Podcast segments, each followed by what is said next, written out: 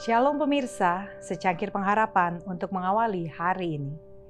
Dia penuh belas kasihan. Kenyangkanlah kami di waktu pagi dengan kasih setiamu, supaya kami bersorak-sorai dan bersuka cita semasa hari-hari kami.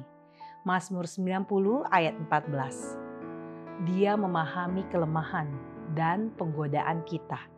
Dan ketika kita datang kepadanya, dengan hati yang hancur dan jiwa yang menyesal, Dia menerima pertobatan kita dan berjanji bahwa saat kita menerima kekuatannya untuk berdamai dengannya, kita akan berdamai dengannya. Oh, betapa bersyukurnya, betapa senangnya jika kita merasa bahwa Tuhan itu berbelas kasihan. Testimonies for the Church, jilid 3 halaman 239.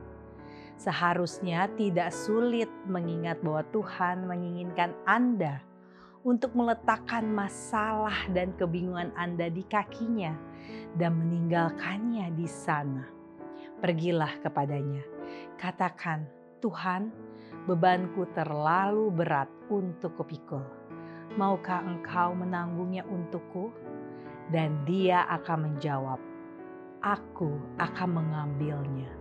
Dengan kasih dan kebaikan abadi. Aku akan mengasihimu. Aku akan menanggung dosamu dan memberimu kedamaian. Engkau sangat berharga karena aku telah membelimu dengan harga darahku. Engkau adalah milikku. Kemauanmu yang lemah akan kukuatkan. Penyesalanmu atas dosa akan kuhapus responlah panggilan belas kasihan Tuhan dan katakan, "Saya akan percaya kepada Tuhan dan akan dihibur. Saya akan memuji Tuhan karena murkanya telah surut. Saya akan bersuka cita di dalam Tuhan yang memberikan kemenangan." Testimonies to Ministers halaman 519.